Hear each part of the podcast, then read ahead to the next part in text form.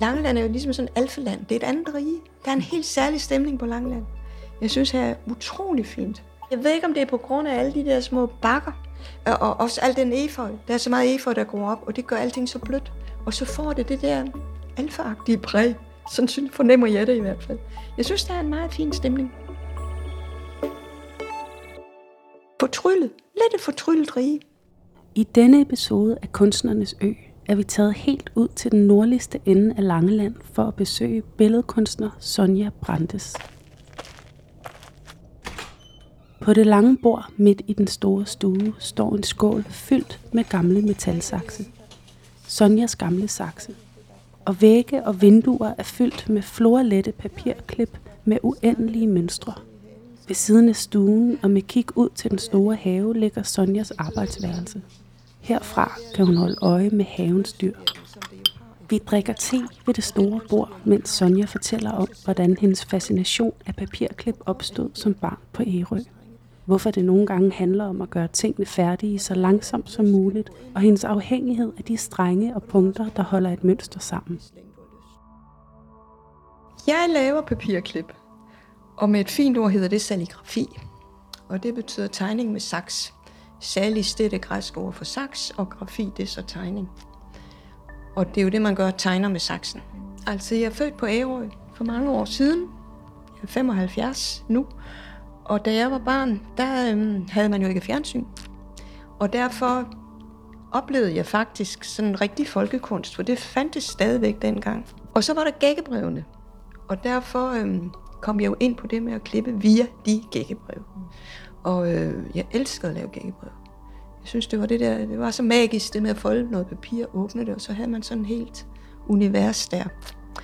Og øh, jeg har klippet med mange børn i tidens løb, og der plejer jeg altid at sige til dem, at da jeg var barn, handlede det om at blive så langsomt som muligt færdig. Nu handler det om at blive så hurtigt som muligt færdig.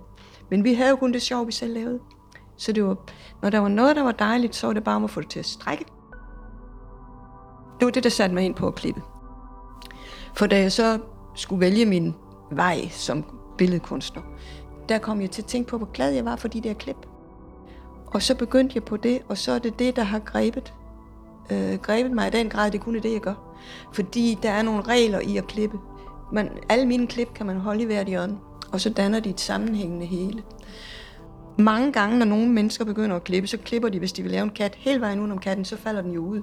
Så har man et hul, der ligner en kat, og det kan man selvfølgelig også bruge. Men hvis man nu vil have katten til at blive i papiret, så skal man hele tiden stoppe og køre tilbage til sit udgangspunkt. Stikke et hul og lave en lille bro, en lille påhæftning, og så køre tilbage til sit udgangspunkt igen. Sådan at alle ting er hæftet fast faktisk. Så i mine klip, der kan man ikke komme udenom nogle af figurerne, man vil blive bremset hele tiden. Mm. Hvis man gør sådan, som jeg gør, at man kan holde dem i hvert hjørne, så er man nødt til at lave det der hele netværk, som, som holder sammen på hele muligheden. Ordene og påhæftningerne. Og de er jo sådan set lige så vigtige for mig som selve motiverne. De har taget en betydning, som er måske lidt overdrevet, men som jeg ikke kan undvære. Fordi folk spørger mig, hvorfor kan du ikke bare male eller lave noget grafik? Det kan jeg ikke på grund af det der. Jeg er blevet afhængig af alle de der, alle de der strenge og punkter. Så jeg holder fast i klipperiet.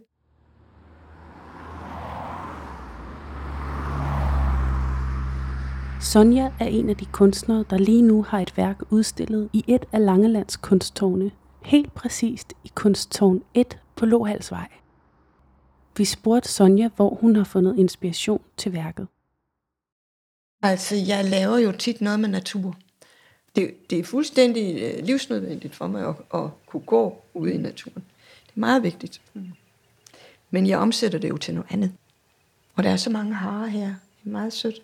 Og de løber jo ud i den store have. Det gør, det gør dyrene også. De går også derud. Men harerne, og de kan jo ligge på sådan nogle sjove måder. Når, når jeg står tæt på herinde og kigger ud, tænker de måske, ja, det gør de alligevel, for der var en dag, at vi fotograferede en af dem. For jeg tænkte, det kan jeg godt. De tænker ikke over, jamen lige så snart jeg tog min telefon og tænkte, så, så løb den. Og så var der, der er også nogle duer på det der hen i tårnet. Mm. Det er fordi samtidig kommer der nogle meget, meget store flokker af duer her, som jeg ikke forstår, hvor så tager hen, for lige pludselig er de væk igen. Det er meget mærkeligt. Og hvad kommer de efter? Mm. Og så har jeg egentlig lavet alle de der dyr, Der er harerne, og der er dårdyrene, og der er duerne. Mm. Men de står og kigger, som om de er fanget i et øjeblik. For jeg forestiller mig, at de kan måske godt gå ud. Mm. For jeg synes ikke, det der tårn, sådan om vinteren, der er et eller andet. Mm. Det er ikke helt hyggeligt.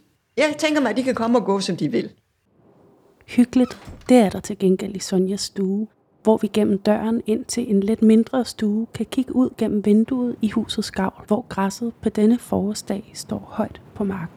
En mark, hvor Sonja forsikrer os om, at når græsset ikke er så højt, og man stiller sig lige midt på, så kunne man snurre rundt om sig selv, og så var det lige smukt til alle sider. Det er meget sjældent. Der var lige vand foran, og så var der... Og de der bakker, der, for, de, der er nemlig også bakker der. Men om det er hattebakker, ved jeg ikke. De løb jo der på den ene side, og så også på den anden. Altså, det var sådan set, det var ligegyldigt, hvor man kiggede hen. Så var det bare fint. Så øh, det er et meget kønt sted, lige det her, det synes jeg. Og som sagt, al den efeu, det er der også dernede. Det gør jo et eller andet ved alle de der høje træer, mm. når det kravler op med efeu. Og så er der så mange rum, og man kan kigge ind, og så er der et eller andet, der sker inde i alt det der træhalløj, hvor der, hvor der kribler og krabler med noget med nogle grene, der gør noget på den led og den anden led, og, og noget grønt, dybt grønt, noget med nogle små blomster i. Der er noget fantastisk hele tiden.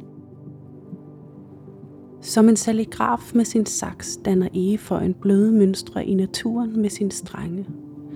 Og for en drømmer som Sonja er mønstrene døren ind til et fortryllet rige, hvor alferne bor. Du har lyttet til podcasten Kunstnernes Ø.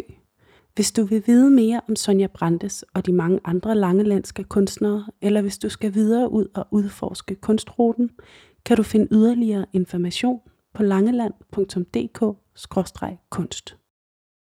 Nyd din fortsatte rejse på Kunstnernes Ø, Langeland.